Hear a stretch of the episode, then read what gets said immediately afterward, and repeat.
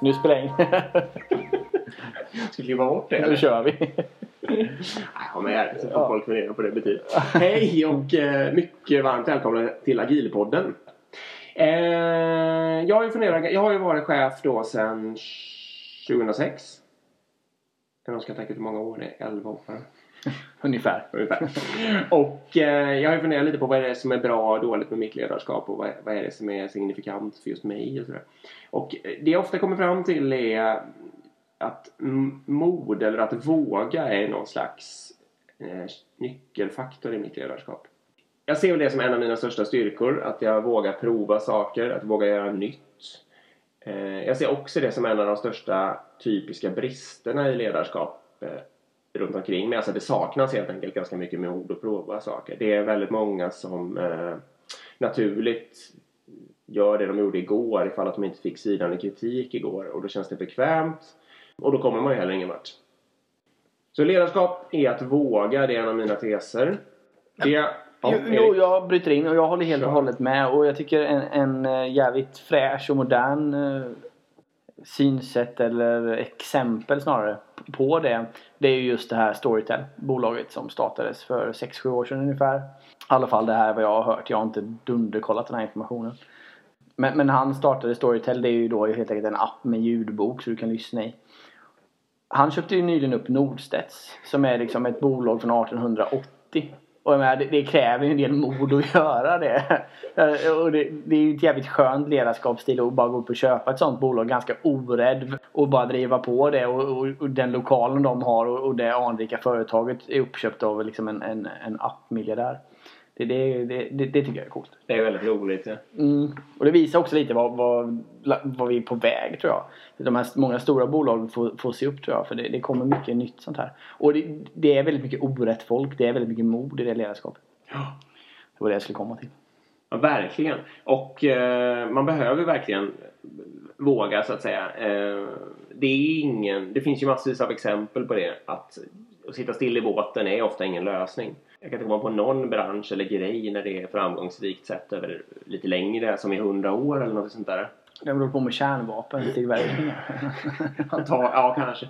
Men antagligen så är inte ens... eh, Till och med där går det ju säkert att göra saker bättre. Att- Går in lite på det där med mod då, för det är inte bara... Det kan ju också fin, det finns ju, kan ju finnas en nedsida. Eh, Bristande impulskontroll och eh, galenskap, alltså negativ galenskap, kan ju komma ur ett överdrivet mod. Det kan ju finnas ett högmod och så vidare. Så vad är det liksom, sen när man väl står där och ska tro på någonting med maggropskänsla men ändå inte så här, ska jag nu, ska jag köra eller inte? Så är, kan det ju finnas lite tankeknep och lite sätt att förhålla sig då. Ehm, typexempel är ju att blixtsnabbt värdera de största konsekvenserna. Helt enkelt uttryckt, går det här att backa på något enkelt sätt?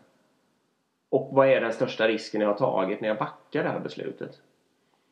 Och om man provar den eh, tanketesen lite snabbt på olika saker då visar det sig att väldigt, väldigt många saker, kanske mer än 90% av alla beslut man fattar går att backa till en ganska låg kostnad. Sen finns det några klassiska saker som inte är så. Då. Eh, det, mitt eget klassiska exempel är ju fasta anställningar. Har man fattat beslutet att fastanställa någon så går inte det att backa på det sådär himla enkelt i alla fall. Och det kan kosta väldigt mycket pengar och, och ställa till problem då om man faktiskt gör en felrekrytering. Så där kan det ju finnas anledning att, in, att vara långt ifrån sin impulskänsla och verkligen kolla och fundera en gång till och hålla på. Så att säga. Men eh, jag kan ta med för exempel prov, alltså prova och utveckla någonting är ju en typisk agil tes. Prova bara. Det, det, man förlorar ju bara en sprint. Köpa saker som utbildningar eller prylar eller vad som helst. Värdera det jämfört med vad personalen kostar. Det visar sig oftast att det är jättebilligt och bara dumt att inte prova. Eh, verktyg och sånt där. Så så brukar jag tänka kring mod. Men Sen är det ju självklart lite, det är ju en erfarenhetshistoria. Man, ju, ju fler saker som har gått bra eller om det är många saker som går bra så blir det ju lättare. Det gäller också att ha en viss ödmjukhet och det där. Eh, Motsats, eller jag ska inte säga att det är motsatsen men en, eh, en klassisk sak som hämmar en organisation är ju rädsla. Och det kan ju finnas ganska många sorters rädsla men typiskt kan det vara rädsla för att misslyckas. Och om vi nu kommer in på sånt som kanske ledarskap som inte fungerar så himla bra så kan det ju vara olika former av dömande ledarskap. Där människor känner att de är, det är inte säkert att misslyckas. Någon kommer bli, det kommer bli obehagligt, någon kommer bli arg på mig, jag kommer till och med få negativa konsekvenser för mitt jobb eller för mina arbetsuppgifter eller något sånt där. Om folk känner så genuint då blir det ju en väldigt stark sitta still i båten-effekt. Det är väldigt, väldigt, väldigt svårt att få det kreativt och få människor att utvecklas och tänka själva. Det kan också finnas rädsla att bli ifrågasatt eh, på kunskapsbasis. Väldigt, väldigt vanligt. Om man har en sån, eh, särskilt i sådana här kunskapsindustrier, om man liksom värderar kunskap högt och har en sån stil när många människor uttrycker sig tekniskt och kan mycket teknik. Då gäller det verkligen att kombinera det med någon slags öppenhet, att alltid förklara allting från när någon behöver det. Eh, för att inte skapa rädsla och, och eh, beteenden när olika människor försöker gömma sig. Vill du lägga till något? Ja, jag lyssnar. Är väldigt intressant. Mod. Sitter och lär mig. Precis. Jag kanske ska släppa mordspåret lite. Men det är i alla fall det är inte det, är inte det enda sättet att bedriva saker. Men det, jag tycker att det är en väldigt viktig hörnsten. Eh, en sån här sak som kan hända är eh, imperiebyggande. Det kan ju ofta vara knutet till någon slags rädsla. Alltså ledare som eh, känner sig lite rädda för att inte vara tillräckligt betydelsefulla eller viktiga eller eh, de kan ju börja bygga imperier. Det är ju väldigt, liksom det, vad ska man säga, helt superklassiskt så är det ju ofta mm, status i att ha en stor organisation. Det är märkligt och det har jag märkt. Sen jag blev chef så har jag fått frågan flera gånger. Hur många är du chef för? Och där verkar det vara någon form av status då. Liksom fem är lite halvdåligt kanske medan 20-30 då bara oj vad, oj vad mycket folk. Så det verkar ligga någon form av eh, hierarkistatus i hur desto fler folk du har anställd under dig som chef. Desto bättre är det. Och det är klart att någon slags, någon rim och reson kan det ju ligga i det. För att eh, det är ju kanske lite svårare att leda väldigt många människor. I, på någon form av statistisk basis. Om man är chef för 10 000 människor är det kanske lätt, eh, svårare än att vara chef för en. Mm. Så det kan vi väl kanske hålla med om. Men det är ju väldigt många andra saker som eh, spelar roll också för ett eh, chefsjobbs eller ett ledarskaps eh, svårighet. Men det är ju en faktor. Precis, och man kan tänka precis som du gör. Det är klart det är svårare att vara chef för 10 000 personer än för en. Men, men den tankesättet gör ju också att det leder till att folk bygger sina egna grupper eller avdelningar med mycket personal. Snarare än fokus på vad de levererar. För att då få status runt i andra organisationer men kanske även utanför sin egen organisation. Man vill ha så stor grupp som möjligt. Det gör liksom att man, man, ska, man skaffar eh, eh, administrativa uppgifter. Eh, Ja. Man, man skaffar ett ineffektivt arbetssätt för att helt enkelt sprida ut och bli så många som möjligt. I värsta fall, ja. Mm. Och man löser typiskt en, ett leveransproblem genom att ta in en person till istället för att fundera på vad man kan annorlunda. Och gärna då en agil projektledare om vi ska hänvisa tillbaka till förra avsnittet. Till exempel. Eller två. Och det där är lurigt. För sen kan, självklart kan det ju vara rätt att ta in en människa till. Och självklart kan det kan ju vara vi och vad ska man säga också, det är en sak med imperier och, och eh, chefer att eh, om man har ledare som känner sig trygga i sitt eget ledarskap och känner sig trygga i, sina egna, i sin egen yrkesroll och så vidare. Då kan de ju, det kan ju hända att, jag menar jag kan väl också vara sugen på att leda en större organisation. Eller det är jag ju rättare sagt. Men min lösning på det är ju inte att eh, själv försöka smyga upp den organisationen som jag för tillfället råkar ha så mycket som möjligt, sakta eh, men säkert. Utan min lösning på det är ju att göra ett svinbra jobb på den organisationen jag har och så hoppas på att få ta en större organisation nästa gång med större svårigheter och mer komplexitet. Mm. Eh, men där är ju väldigt, det beror ju väldigt, väldigt mycket på vad som belönas och vad individen känner för trygghet från sina egna chefer och ser för möjligheter för karriär och så vidare.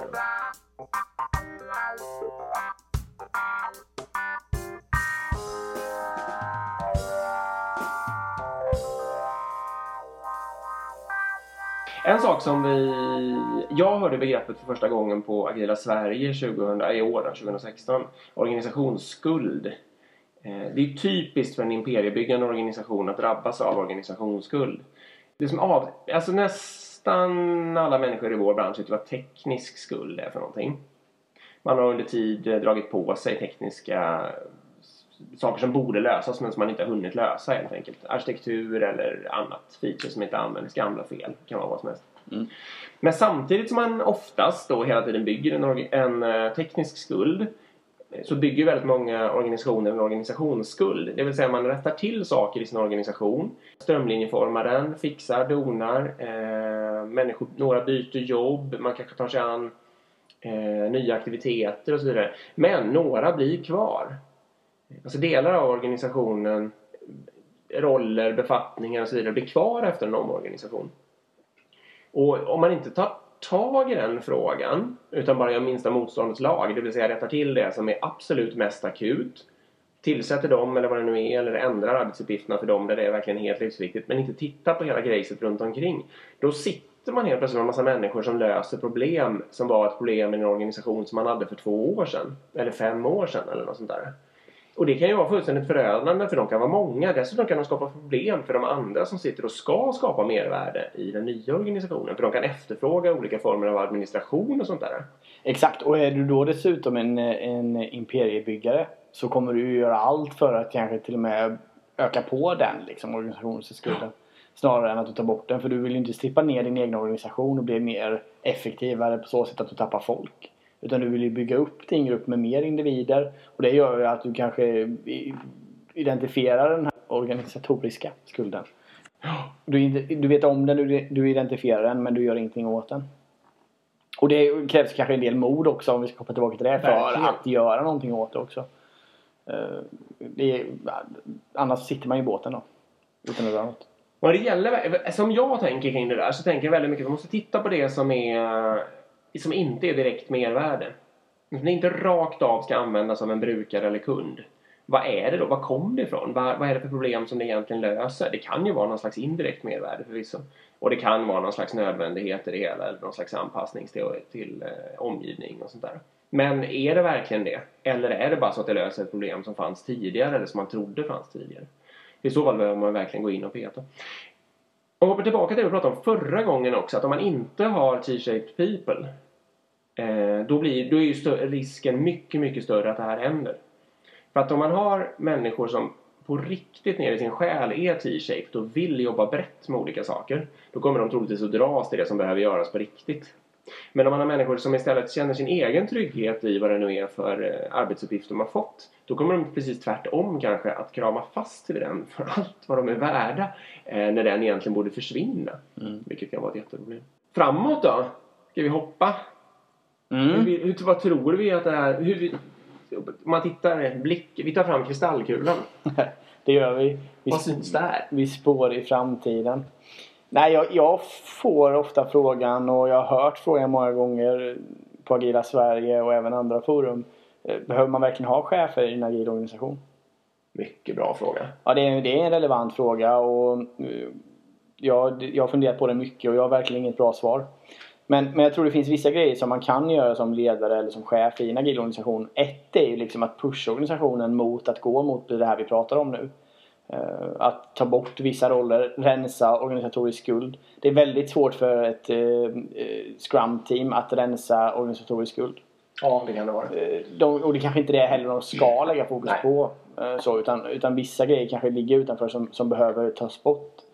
Sen så tror jag absolut det finns en form av mognadsgrad så när teamet är tillräckligt moget då tror jag absolut det finns kanske mindre behov av en chef. Liksom. Det är ju någon form av gruppdynamik där att när gruppen är väldigt mogen och väldigt effektiv så minskar ju behovet av ledarskap. Um, och ledarskap behöver ju heller inte innebära att det finns en chef. Liksom. Utan ledarskap kan ju finnas informellt i gruppen också. Men om man tittar lite på vad jag tror ledare kan göra eller vad vi jobbar med också. Mm. För guds skull. Vi är ju chefer i en, i en agil organisation. Verkligen. Så tittar vi ju mycket på också vad, vad händer framöver och hur kan vi pusha det här ännu mer liksom. Och då kan man ju, om man ska prata mord då, så kan man ju prata om lönesättning till exempel. Det är mm. någonting man skulle kunna lägga ner på teamen. Det är inte, behöver inte jag som chef göra. Det skulle vara jätteintressant. Och inte då köra den här klassiska pottgrejen utan snarare bara teamet får som uppgift att, att sätta sina egna löner. Och sen får de helt enkelt komma tillbaka till, till, till mig som chef då och, och säga att okej okay, det här är vad vi har sagt. Om nu alla då har gett 10% löneökning till sig själva så får man ju fråga då okej okay, har ni tänkt på helheten här? Hur ska hela det här bolaget kunna ge alla 10%?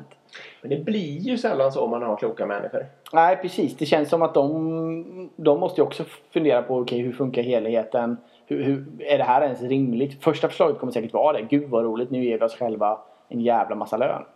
Uh, men, det är klart innan de presenterar det så hoppas man ändå att de gör någon form av genomgång och tänker att nej vänta, går det här ihop liksom? Nej det gör det inte. Okej, någon som har presterat bättre än någon annan och så, och så vidare.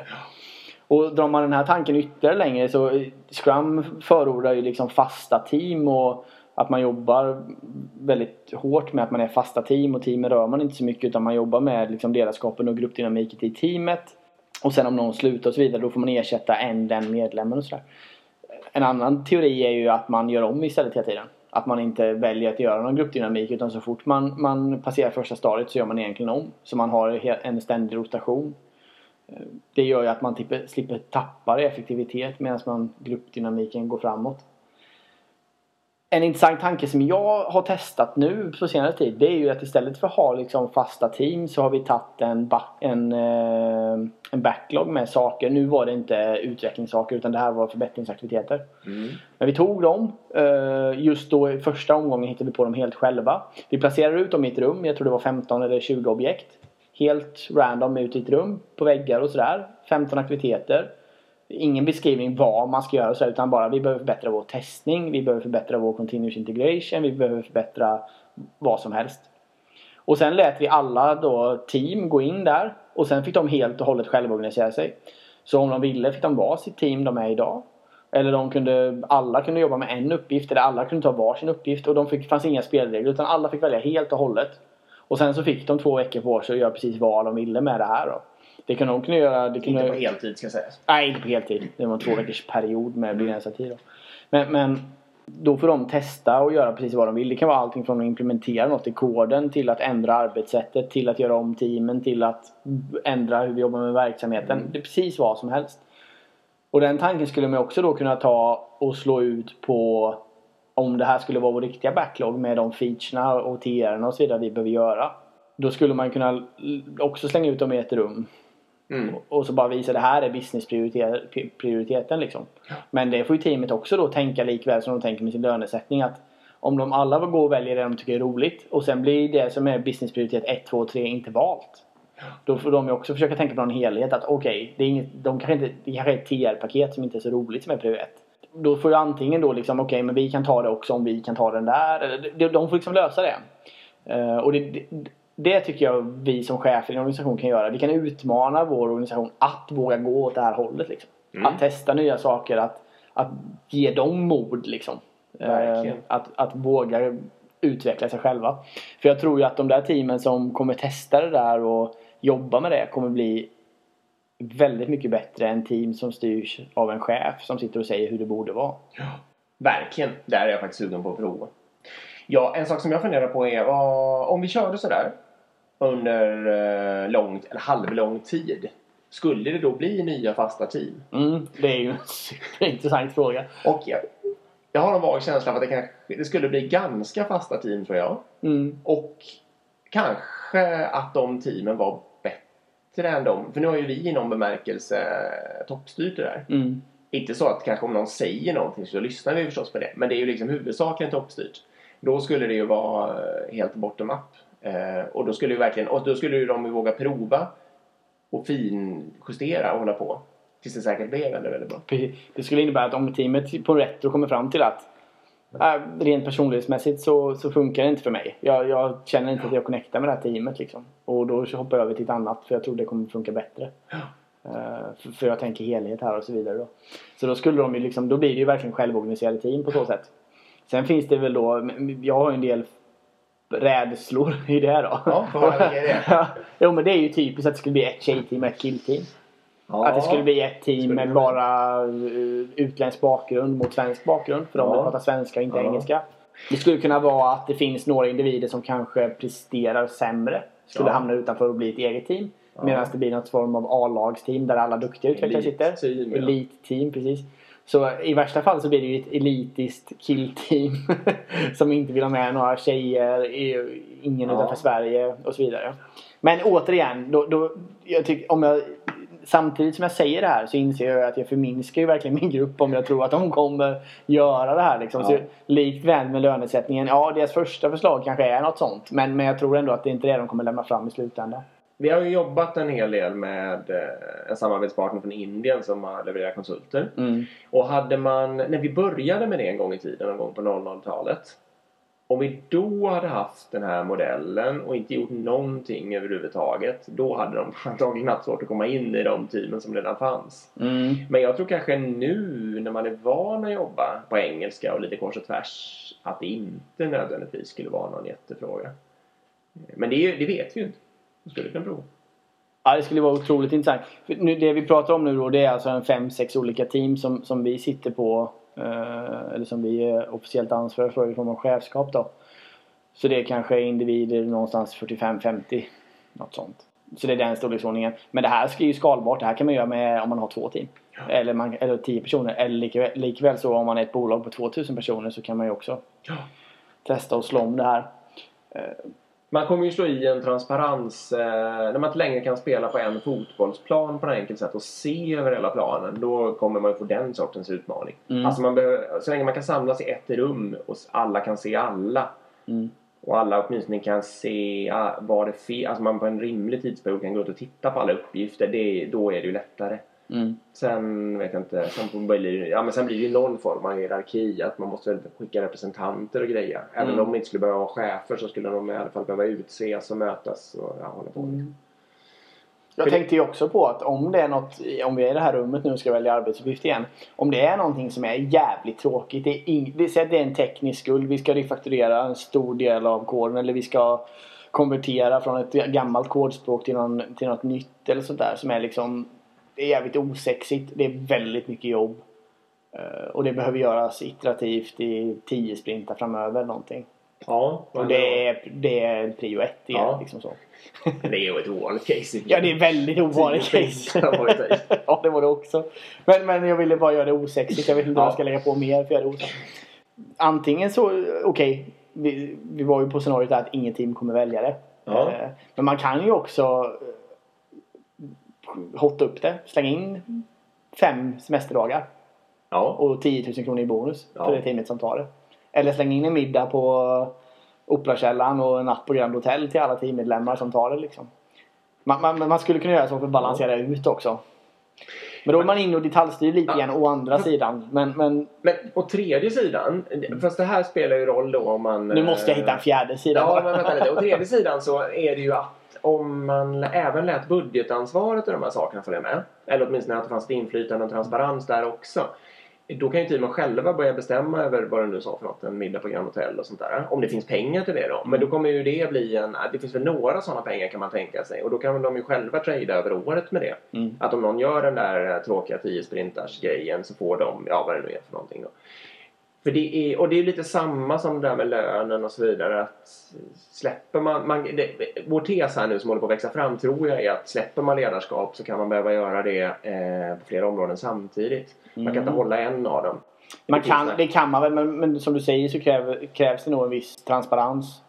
I så fall såklart. För precis som du säger så för att kunna göra sådana grejer med lönesättning och sånt då måste de ju också på något sätt veta hur det funkar. De måste ju veta vår budget för året.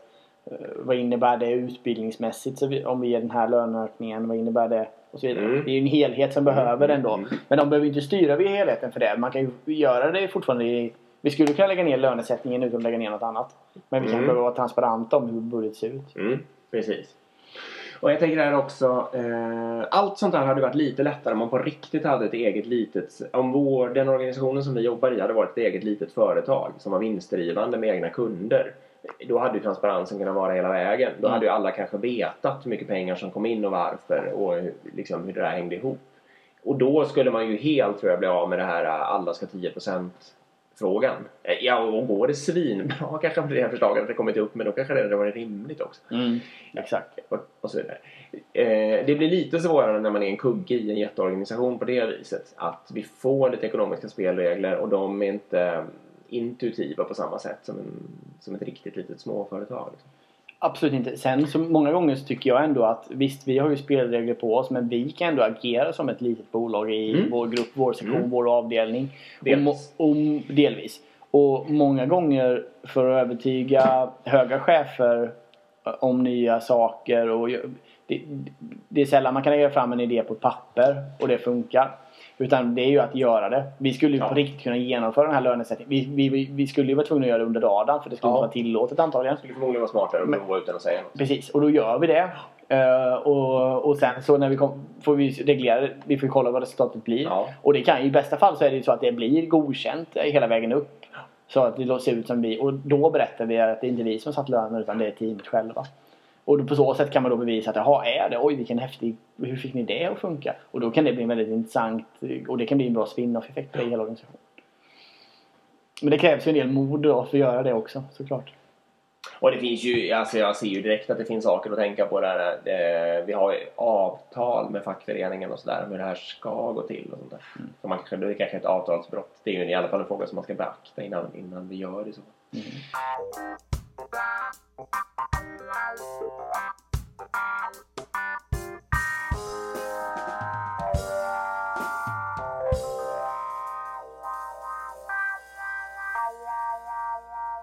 har en sak jag vill gå till sen från futuristisk syn här. Men vad har du mer du vill eh, dra till med på futuristisk syn? Lite. Jag kan, eh, det, det är ju väldigt intressant ämne. Det är något jag tycker är roligt.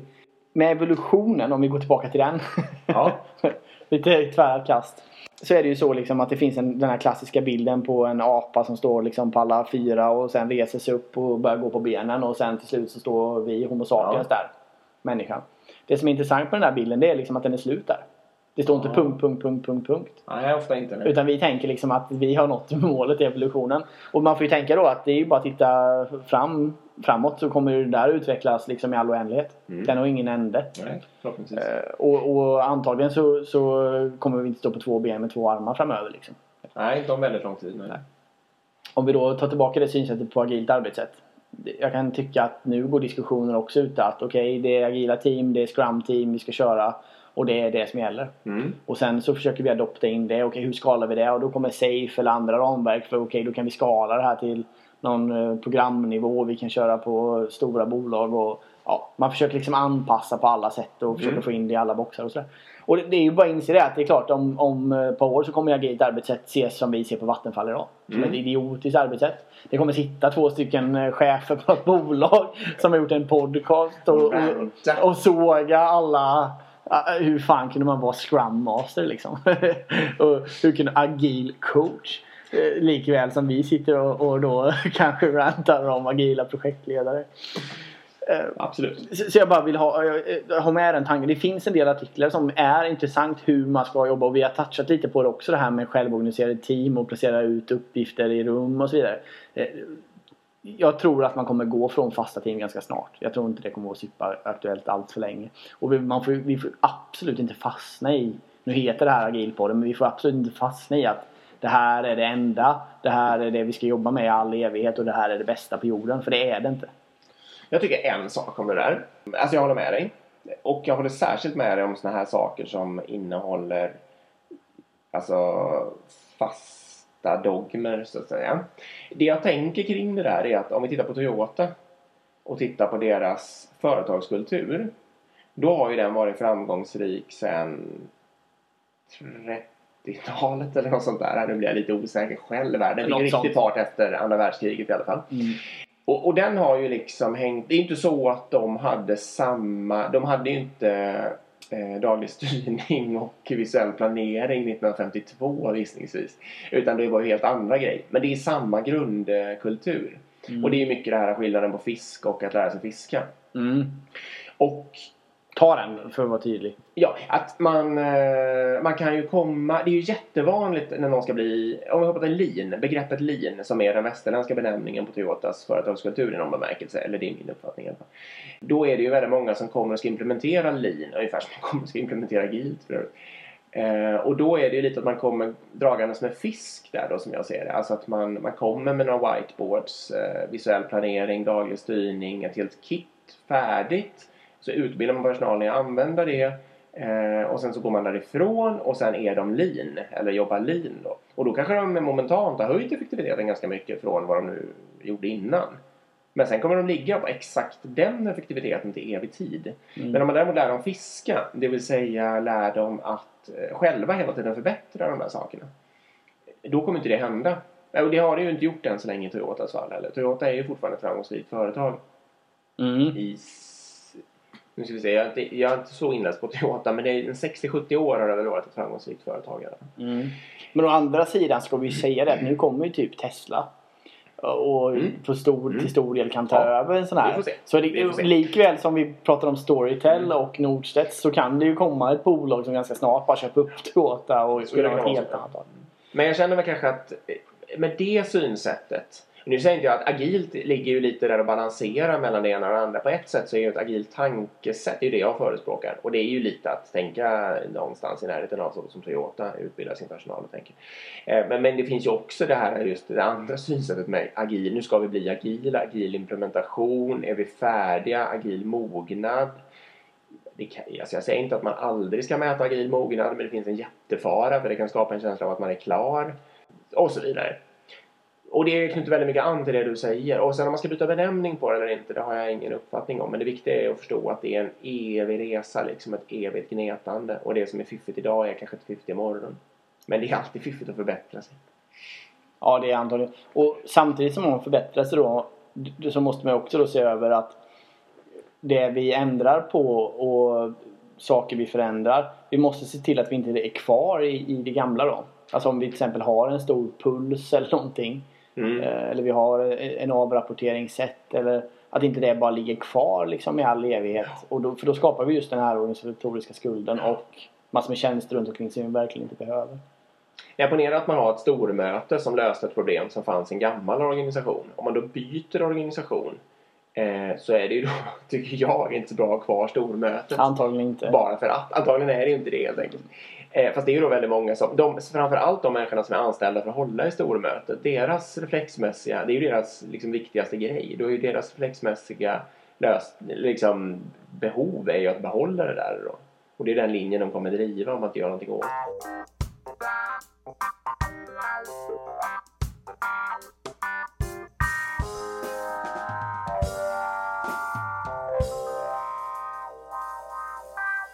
Eh, futuristisk syn hitan och ditan. Jag är lite sugen på att glida tillbaka till eh, ledarskap. Jag, eh, det är en sak jag ofta har tänkt på. Det här har jag faktiskt tjatat om sen jag, åtminstone så länge jag har varit andra linjens chef. Eh, och det är att man behöver ha någon slags frihet.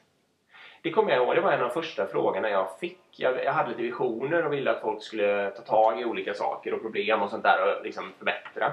Eh, och så, nej men det går inte för att eh, vi har ingen tid till det. Och då dök min den här gamla goda, jag vet inte om du har varit tvungen att höra den, förrådsliknelsen upp. Nej. Har du missat förrådsliknelsen? Ja. Jag jobbade med om en liknelse förr i världen faktiskt. Jag är glad att jag slipper. Ja, kanske. Ja, i alla fall. För då var det så här, ja men då ska vi tillsätta en resurs till för att hinna göra förbättringsarbetet eller vad det nu var för någonting. Eller innovationen, eller det tror jag inte vi pratade om på den tiden, men någonting sånt där. Och det tycker jag då är lite som att om man uh, råkar ha mycket grejer hemma, vilket ganska många människor kan identifiera sig med. Då köper man, då köper man till lite mer förråd. Eller bygger ett förråd eller hyr ett förråd på stan eller vad det nu är för någonting. Och det kortsiktigt funkar ju det ganska bra då för då ställer man dit några grejer och så vart lite mer plats och ordning och så klarade man av att göra vad det nu var. Men sen brukar det ju då, om man inte har ändrat någonting i sitt beteende så funkar inte det långsiktigt utan då kommer även det förrådet bli fullt. Och så håller det på så här. Och det jag säger då det är att det är alltså en fråga om att lära sig slänga eller ha ordning. Eh, och på samma sätt så är det en fråga om att lära sig, alltså lära in ett beteende när eh, förbättringarna görs. Lite så som det här, alltså det var ju tio år sedan jag pratade om det här, men lite som eh, vi gör nu om man lägger förbättringsarbetet in i sprintarna till exempel. Då har man ju skapat en sån ordning som är självunderhållande så att man på riktigt gör sina förbättringar. Vad jag ska komma till är, efter den här långa utläggningen, är att det behöver finnas en sån frihet. Om ledarna i en organisation går in och lägger sig i varenda grej som människor gör, då kommer, då, då, det, kommer inte bli, det kommer inte bli kul och det kommer inte finnas kreativitet. Eh, och det kommer definitivt inte ske någon större innovation. Det måste finnas lite möjlighet till galenskap. Eh, och det är, inte bara, det är ju lite olika aspekter. Dels måste det ju finnas möjlighet att ta sig tid till sådana här saker, men det måste också finnas möjlighet att känna att allting, man ska inte behöva förklara allting man gör helt enkelt. Då, då blir det inte, då blir det bara platt, tråkigt och händer ingenting. Och det är en jätteviktig del i ledarskapet tycker jag. Eh, och nu vet jag också att det var en av våra medarbetare som, som liksom sa det som en fördel att det finns möjlighet till lite galenskap. Att, alltså, både på, på medarbetarnivå men också att liksom cheferna kan tillåta sig att vara lite galna. Och jag tror det är jätteviktigt och jag tror det är det som i framtiden kommer att odla liksom, att vi får eh, nya uppfinningar och sådana där saker. Och även att eh, vi har möjlighet att, få bra personal. Ja. För, för, det, gör ju, det blir ju ett, ett eh, självrekryterande i det där. Ryktet sprider sig. Precis, för då pratar de med sina vänner om hur, hur eh, inte hur galen chef de har, men, men hur eh, kanske vilken miljö de har på sitt jobb och jämför då. Ja men verkligen. Mm. Jag tror det är jätteviktigt. Och liksom med smarta människor med, som har mycket idéer och de, de behöver ju frihet också. Mm. Det går helt enkelt inte att köra dem som galärslavar. Eh, det blir inte, det, det, är inte så, eller går och går, det gör det förresten. Men eh, det är inte så man får ut eh, mesta möjliga av dem. Och då får man ju inte, när man då står där och känner att det här är för idiotidé, det här tycker jag verkar onödigt. Då gäller det helt enkelt att bita sig i tungan. Åtminstone så länge det finns en balans Bra, ska vi runda av? Ja, gärna. Gärna. Nej, jag känner mig nöjd. Ja, jag har väntat. Ja, kul. För räcker. Det här var avsnitt nummer två då. Och återigen, supertack för att ni har lyssnat. Ja. Eh, nu har vi skaffat en Gmail i alla fall. Det är gilpodden gmail.com. Maila supergärna in feedback på vad vi ska prata om. Om vi ska lägga ner det här eller om vi ska fortsätta. Förslag på ämnen. Mycket välkommet. Om ni har några bra gäster som vi ska ha med. Eh, och sen hörs vi väl helt enkelt nästa vecka då. Precis. Tack så jättemycket för idag.